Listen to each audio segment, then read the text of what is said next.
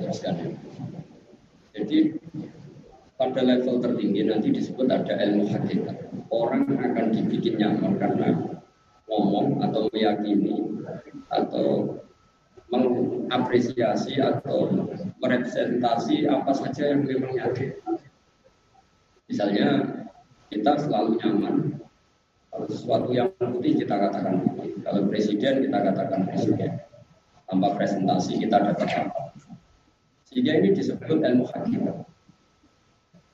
Jika setelah makom itu, misalnya kita akan mengatakan, oh, sekarang presidennya Pak Jokowi, kemarin Pak SBY, kemarin Bu Mega. Kalau tidak ada ngasih uang dulu, kita akan mengatakan demikian. Ini disebut ilmu hakikat. Kalau kita biasa ngomong hakikat tanpa presentasi dapat bonus atau dapat gaji, kita akan ngomong satu tambah satu dua, dua tambah dua empat. Kenapa kita tidak merasa nyaman untuk mengatakan Allah itu sebagai Tuhan kita? dan tanpa presentasi apakah nanti kita dapat hadiah apa enggak. Karena kita sudah ngomong hakikat. Orang akan nyaman dengan ngomong hakikat ini. Ini yang namanya ilmu hakikat. Orang dibuat nyaman dengan kebenaran hakikat. Karena kebenaran hakiki adalah kebenaran yang tidak perlu diganggu lagi karena bersifat absolut. Sehingga orang-orang hakikat kalau sudah nyembah sama Allah itu senangnya bukan main. Mereka tidak peduli lagi apakah setelah itu masuk surga, apa masuk neraka sudah tidak peduli lagi.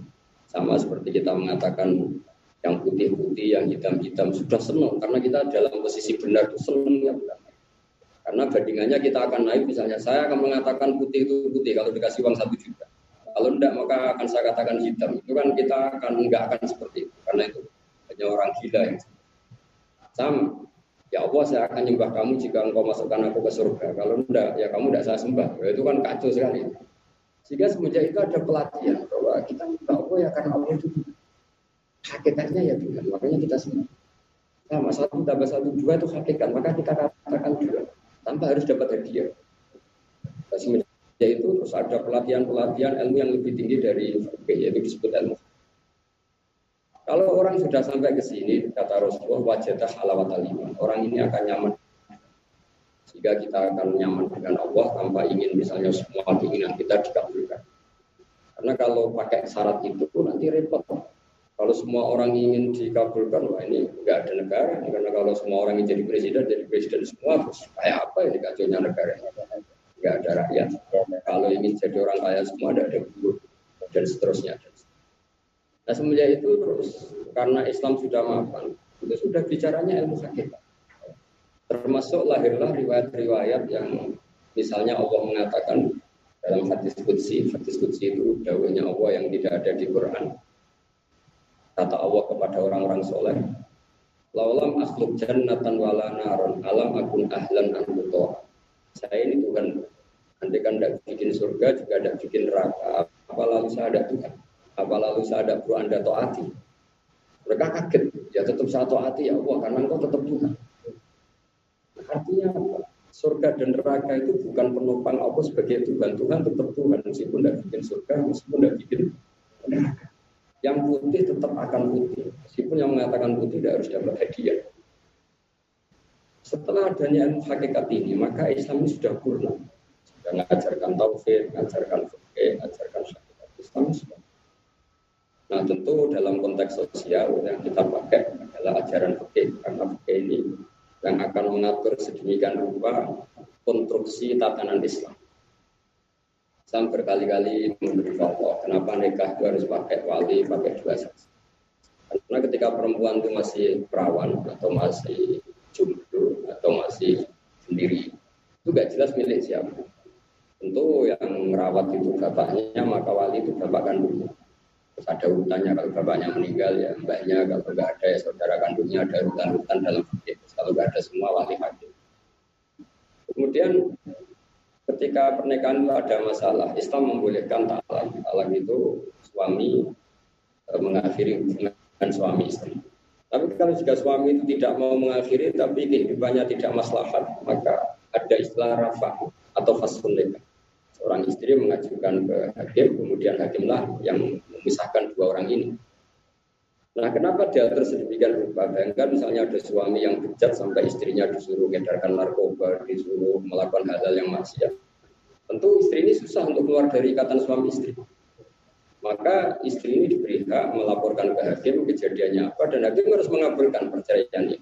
Rafa ini harus dikabulkan supaya tidak ada solihah yang tahta yatifasikin supaya tidak ada wanita solihah di bawah berpasangan. Nah, fakih ini bikin aturan itu semua. Nah, setelah diceraikan, fakih ada aturannya lagi. Siapa pun yang diceraikan, baik diceraikan secara baik-baik maupun diceraikan secara fasuneka, harus ada iddah.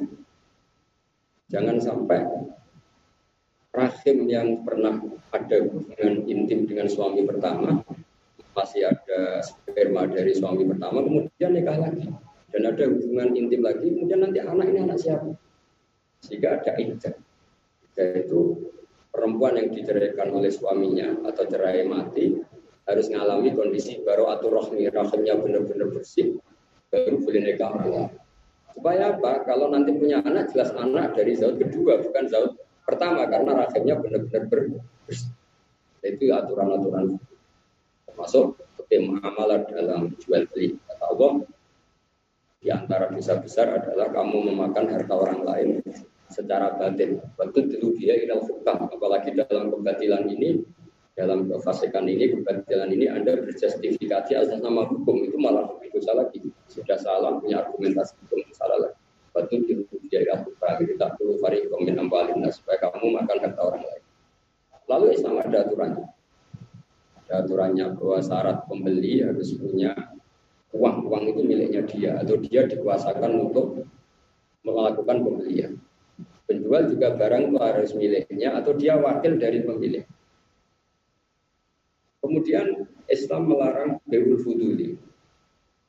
Karena ini di Kemenku, saya akan cerita fakir Islam dalam muamalah. Islam melarang jual beli orang yang tidak malik juga tidak wakil. Misalnya begini, saya punya tanah yang nilainya 10 juta ada orang yang tanpa konfirmasi ke saya menjualkan ke orang lain 12 juta.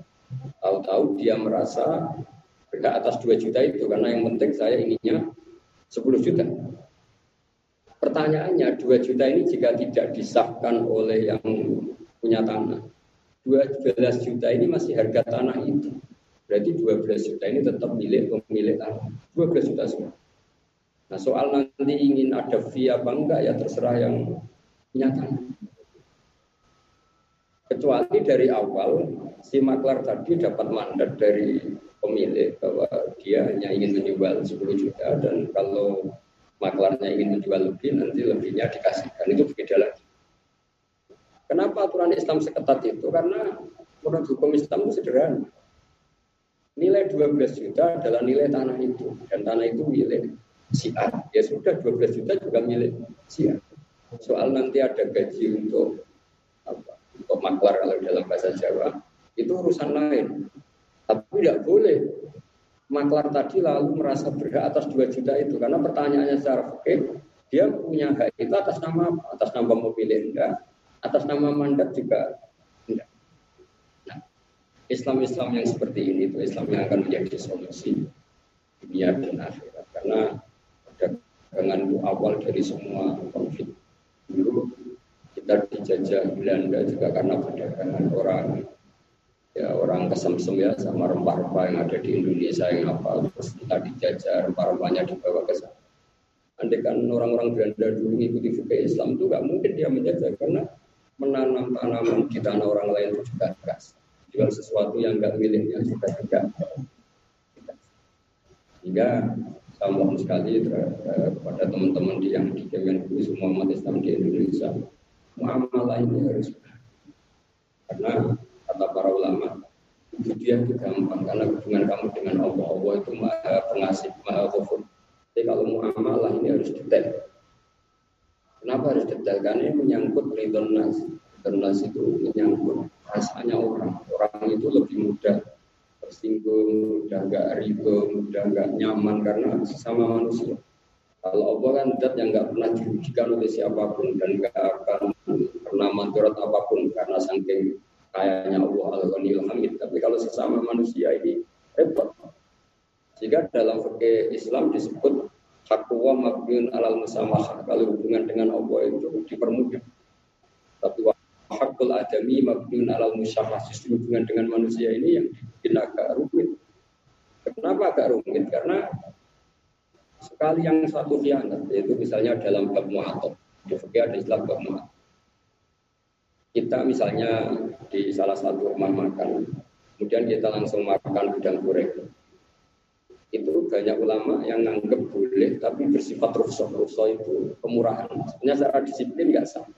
Kenapa tidak sah? Karena kalau kita makan dulu tanpa bayar, itu kan kitanya yang repot. Dikatakan mencuri di depan umum, dikatakan tamu yang ada tamu, dikatakan jual beli belum apa bayar jadi itu kan bingung kan, kalau tamu-tamu makan atas nama apa Atas nama jual beli belum bayar, atas nama nyolong, nyatanya di depan umum, atas nama bertamu. Ya. Karena itu barang sepele dianggap sah, tapi bukan sah dianggap sah. Lalu pertanyaannya, kalau kita misalnya hanya punya uh, budget 10 ribu, nyiranya habis 10 ribu, ternyata sama penjualnya kita dikemplang dihitung 20 ribu. Kagetnya kan bukan main, karena asumsi kita salah. Nah itu risikonya di situ kan. Nah kenapa fakir mengatakan itu tidak baik? Karena fakir tidak ikut bertanggung jawab ketika ternyata penjualnya bilang, oh itu 50 ribu. Masa gudang gurung gini 50 ribu? Terserah saya yang saya punya, sudah kadang kamu makan. Beda dengan kalau kita berdagang secara benar. Diir gini pinten, ini harganya berapa, baru tahu harganya, jual beli selesai, baru kita makan. Makanya sebagian warung itu bagus kalau jual belinya diselesaikan dulu baru dimakan. Takutnya tadi diberi harga yang tidak wajar. Itu sampai ketika akhir-akhir Islam itu pembicaraan sampai seperti itu. Boleh kabeh mu'atom. Tentu dalam hal-hal sepele yang kita tentu zaman kita mondok atau mungkin teman-teman zaman kuliah itu sama kantin-kantin yang sudah langganan mungkin itu dipermudah saja karena ada ataro di benagum, ada nilai-nilai yang disepakat. Makanya di Quran disebut illa antakuna tijaratan antaro minkum. Itu agak fleksibel jika di komunitas yang mudah saling rito. Saling rito itu ya penjualnya tetap memberi harga wajar, yang makan juga dengan asumsi yang wajar. Asumsi yang wajar gini, perasaannya penjual itu ingin dijual itu karena ingin dapat uang. Ternyata ini tidak, misalnya ada mahasiswa atau ada pekerja, mau akan banyak ternyata ngebon. Itu kan dia kaget. Kaget. Karena dia kadung seneng dapat uang ternyata muakannya banyak ngebon. Itu kan kagetnya bukan main. Padahal dia ingin dapat uang es. Dia tidak ngomong di depan kalau dia hutang. Juga sebaliknya pembeli ngiranya dan goreng tadi harganya lima ribu, dia berani makan empat karena uangnya dua puluh ribu. Ternyata diberi harga persatunya dua puluh ribu. Kan yang paketnya bukan. Jadi resiko mu'ato, mu'ato itu satu transaksi yang tidak ada ijab kabul, yaitu cukup pakai kultur yang jalan. Itu resikonya kalau ada yang nggak benar. Nah, sehingga fikih tetap mengatakan mu'ato disahkan itu hanya berdasar rusak kemurahan, bukan berdasar status hukum. Karena kalau status hukumnya bisa tadi penjualnya seneng karena makan buahnya habis buahnya wah nanti dapat uang kas banyak. Ternyata semuanya ngebon. Itu kan paketnya bukan main. Atau sebaliknya pembeli ngira harganya terjangkau ternyata diberi harga yang berlebihan. Itu juga apa pembelinya kaget. Di sini terus ada bab apakah setiap akad itu harus ada transaksi yang detail juga di hal-hal yang sepele dan apakah mu'atoh itu sahabat ini harus sesuatu yang menjadi landasan hukum bahwa ketika Islam sudah mapan, sudah sampai, sampai membicarakan hal-hal yang seperti mulai mu'atoh. Itu juga menyangkut ibadah. Ibadah juga dibicarakan secara detail. Ini sebagai penutup, saya beri contoh. Kebenaran yang yang hakiki itu adalah tentu ridhanya Allah Subhanahu wa taala karena Allah itu zat yang al-ghaniyul mutlak, zat yang tidak butuh kita. Maka ridhonya Allah itu bisa hal-hal yang yang sepele, yang gampang. Sehingga maksiat juga sebaliknya. Kadang Allah itu benci kita justru untuk hal-hal yang sepele. Nah kita sudah tidak pernah tahu lagi itu setelah Islam sempurna. Saya beri contoh misalnya begini. Ada pelanggaran besar, ada pelanggaran kecil. Itu dalam tatanan fikih. Tapi kalau dalam tatanan ilmu hakikat, kamu jangan melihat pelanggaran, tapi melihat siapa yang kamu langgar. Misalnya kita, misalnya saya dengan bapak saya, atau saya dengan anak saya. Mungkin yang menyuruh mindah posisi gelas itu harus seperti Jadi misalnya gelas di posisi kiri saya, terus saya bilang, nak, tolong gelas dipindah ke sisi kanan. Itu hal yang sangat tidak prinsip. Dipindah, dipindah, punya tidak punya akibat yang buruk. Tapi ketika anak saya ada nurut, itu betapa tersinggungnya saya karena perintah saya tidak diindahkan. Meskipun sekedar pindah gelas dari arah kiri ke arah. Tentu fakir menganggap itu kesalahan kecil karena tidak punya akibat apa. Akan menganggap kesalahan besar misalnya ada orang rokok di pinggir bensin karena itu bisa berakibat e, fatal. Tapi kalau yang mutasawuf enggak. Kamu rokok pinggir bensin itu ya fatal karena bisa bisa kebakaran besar pindah gelas yang nggak penting itu juga kesalahan fatal karena kamu tidak memindahkan perintahnya orang yang harus kamu turutin. Misalnya kamu stop di Kemenku disuruh Menteri tolong pintunya tutup. Memangnya kalau nggak ditutup akibatnya apa? Bukan nggak penting. Itu kan menyinggung sekali meskipun sekedar tutup pintu. Makanya jangan melihat pelanggarannya, tapi lihat siapa yang kamu langgar. Jangan melihat maksiatnya, tapi melihat siapa yang kamu juga yaitu Allah Subhanahu Nanti di bab ridhonya Allah juga sebaliknya. Kadang ridhonya Allah itu ada pada hal-hal yang kecil. Masyur dalam banyak hadis ada orang yang sekedar ngasih minum hewan yang apa kehausan diridani oh kadang ada orang yang ibadah lama sekali belum dapat ridhonya. Tapi ketika melakukan hal-hal yang sepele dapat ridho. Karena supaya apa? Supaya Allah tetap dengan otoritas absolutnya. Nggak boleh diganggu nggak boleh didik. Nah di sini ini setelah Islam pada hakikat. Sehingga kata Rasulullah SAW, kamu jangan pernah menyepelekan kebaikan apa. Banyak orang yang masuk surga dari kebaikan-kebaikan kecil. Kebetulan kebaikan kecil ini yuwafiku itu. Lepai, lepasin, terjadi ridhonya Allah. Tapi kamu juga jangan menyepelekan maksiat kecil. Karena bisa saja maksiat kecil ini yuwafiku syukur. Pas lepai, ini atau ketidaksukaan Allah Subhanahu wa Ta'ala. Jadi, jadi perjalanan menuju Quran, perjalanan Islam itu mulai menghentikan yang substansi, mulai menghentikan yang yang visi-visi fisik, pelaturan-pelaturan fisik kayak fikir, sampai akhirnya sampai ke ilmu hakikat. Pada level ilmu hakikat itu kita butuh ilmu yang bernama tasawuf. Kita di tasawuf itu ilmu yang mengatakan ya putih ya putih. Satu dapat satu ya dua dapat dua empat. Kita tanpa berharap dapat pahala panda. Tapi kita ingin sesuai hakikat. Jika saya berkali-kali ngaji menfatwakan kita kalau sudah sujud sama Allah itu yang senang senang senang meskipun kita mungkin nggak perlu tahu sujud kita diterima apa nggak perlu tahu. Karena kita pernah diterbir sujud itu sudah luar biasa. Betapa malunya kita ketemu Allah kemudian kita di dunia tidak pernah sujud. Jadi kata para ulama sujud itu status kita udah diterima kayak apa kita ini sudah keren ketemu Allah dengan berstatus pernah sujud makanya di ilmu-ilmu tasawuf masyur itu dawe ulama kafa min jazaihi iya ka'ala to'ah an rodiya ahlan cukup sebagai pahala kamu untuk melakukan to'at adalah kamu ditekdir melakukan. Misalnya kita ketemu Allah sudah sholat ya, sampun pernah sujud sampun itu kerennya apa ya sama seperti kita keren mengatakan ini apa? Putih, keren. Satu tambah satu berapa? Dua, keren. Jangan sampai mengatakan begini, satu tambah satu berapa? Ya kalau dikasih satu juta saya bilang dua, kalau enggak saya katakan empat. Itu kan aneh sekali. Masa satu kebenaran dikonversi dengan uang? Sama, masa untuk mengatakan Allah sebagai Tuhan kita.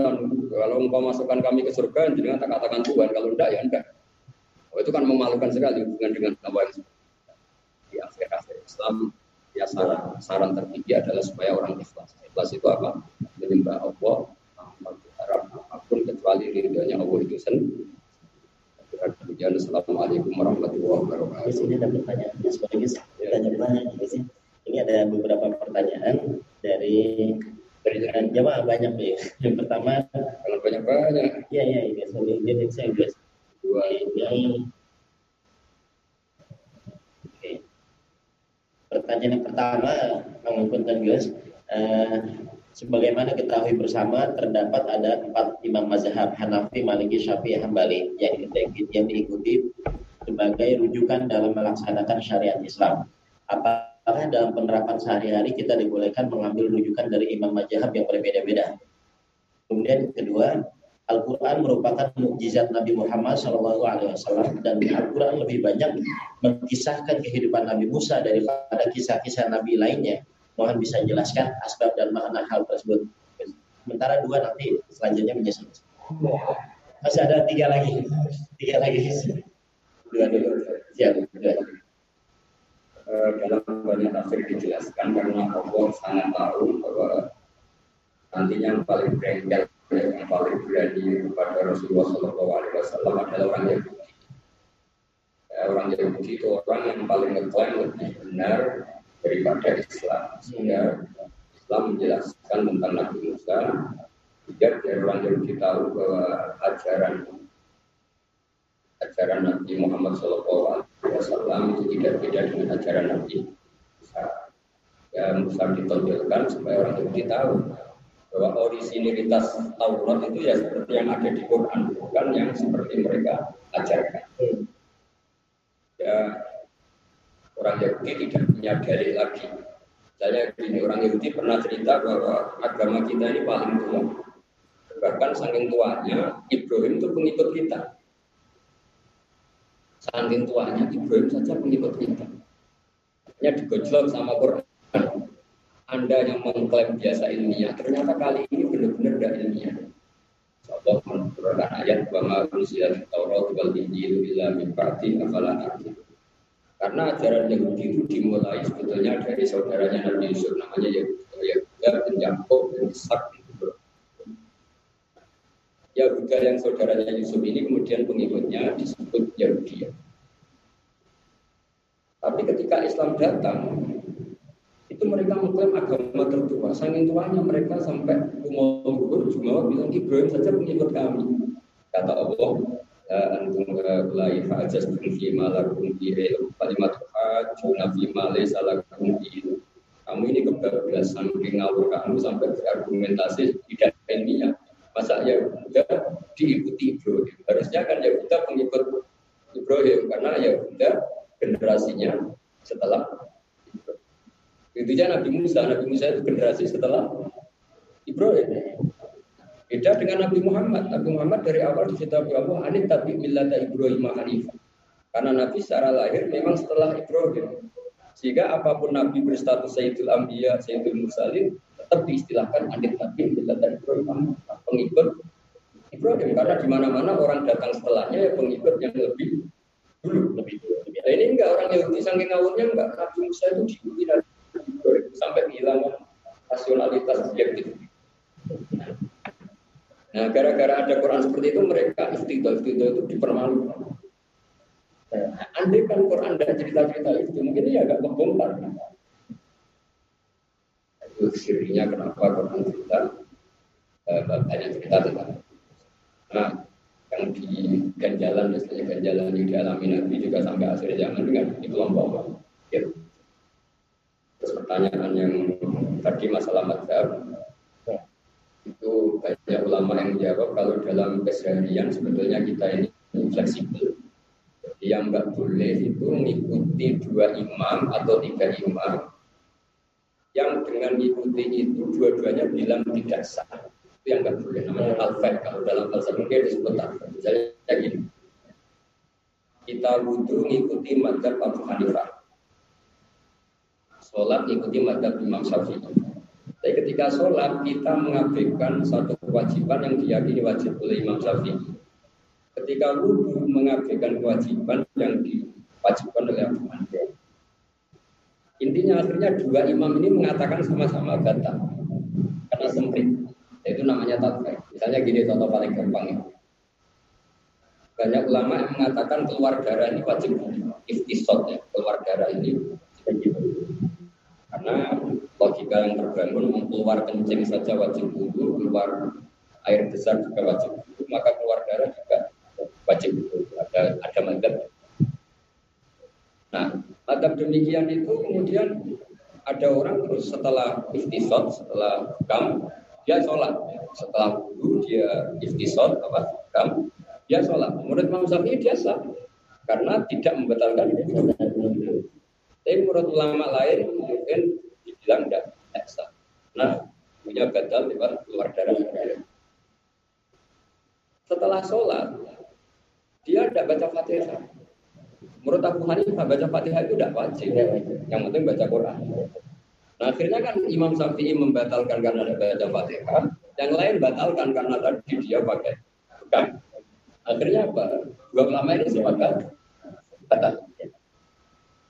Beda dengan perilaku fakih yang berdiri sendiri. Misalnya Pakov lah yang sering jadi geger di Indonesia. Pakov itu dalam madhab Syafi'i nggak boleh ditukar, nggak boleh dijual belikan, nggak boleh macam. Ya kalau di madhab Abu Hanifah fleksibel. Jika misalnya kalau masjid di satu kampung dulu di tempat ramai, tahu-tahu atas nama perubahan waktu masjid ini tahu-tahu uh, di tempat yang paling sepi. Masyarakat ingin pindah masjid. Kalau madhab Abu Hanifah endek saja bisa satu kali guling. Itu itu nggak masalah karena berdiri sendiri. Ya, jadi nah yang masyur itu haji lah haji. Menurut adab syafi'i bersentuhan lelaki istri ya bersentuhan lelaki dan perempuan baik suami istri maupun orang lain kan membatalkan wudhu.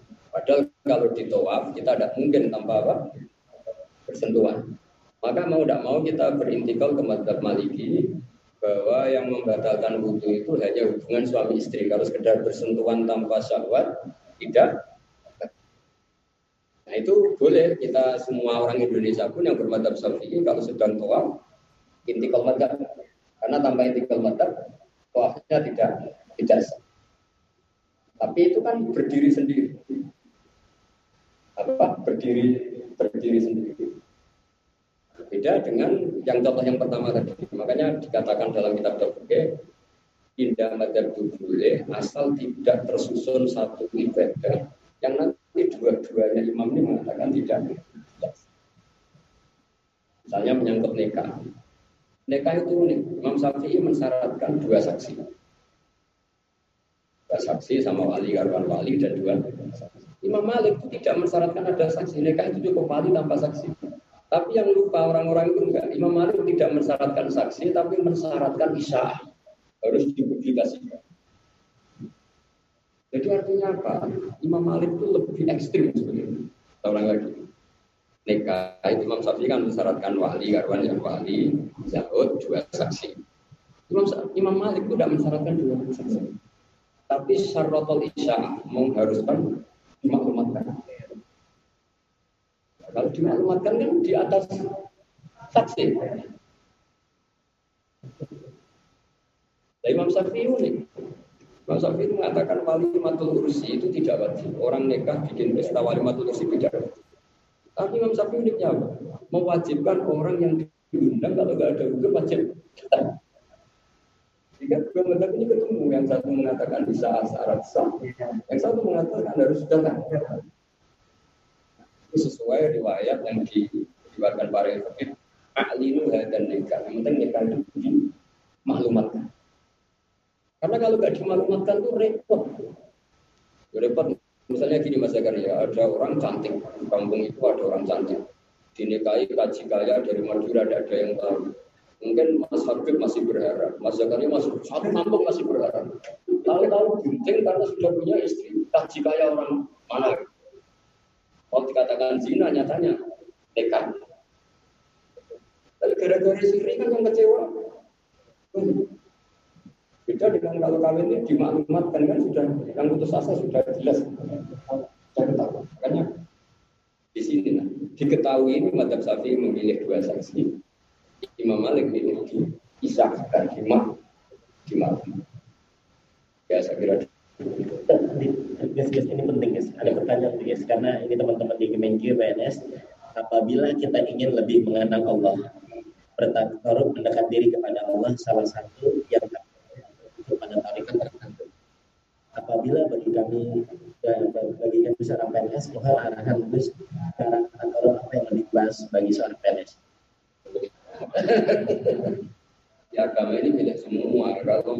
PNS punya aturan, yang lainnya juga punya aturan. PNS punya aturan sendiri, ya, ya sama aja. Ya sama aja maksudnya.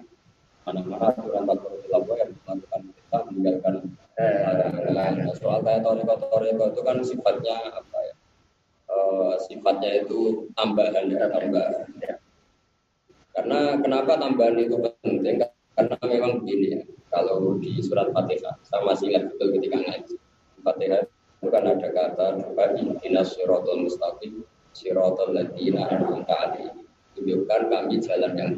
Itu jalan siapa?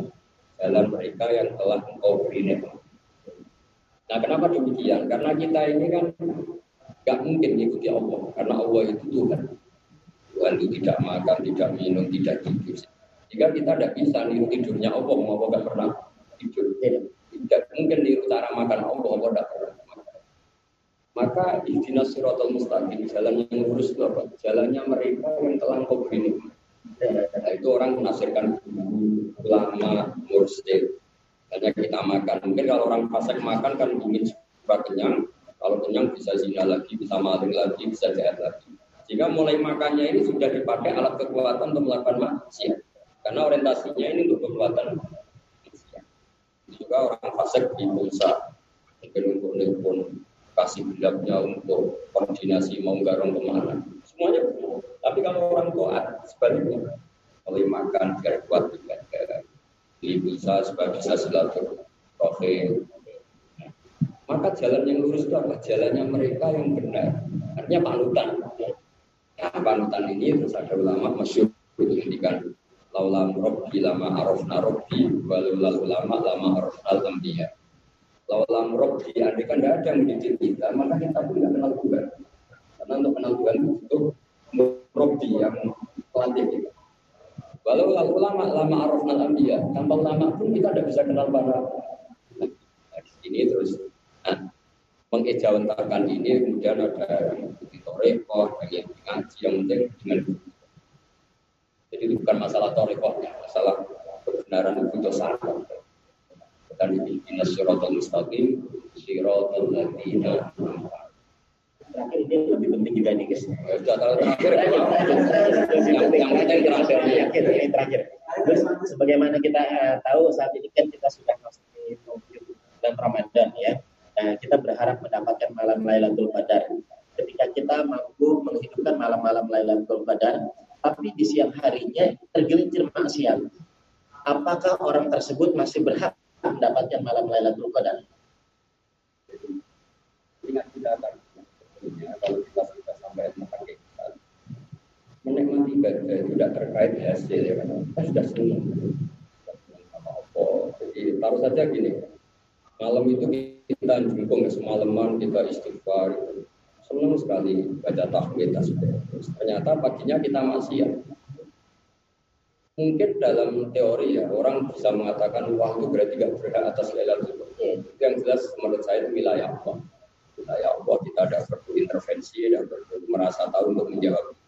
Tapi menurut saya satu keberuntungan besar kita ditertir malam itu selalu ingat. Soal nanti kita dosa lagi ya istighfar lagi. Jangan sampai kita punya tradisi menyesali tobat karena nanti kalau ini terlalu kita sesali lama-lama kita menyesali toat kita di masa lalu apa artinya malam semalaman saya sungkeman semalaman saya istighfar ternyata pagi ini saya.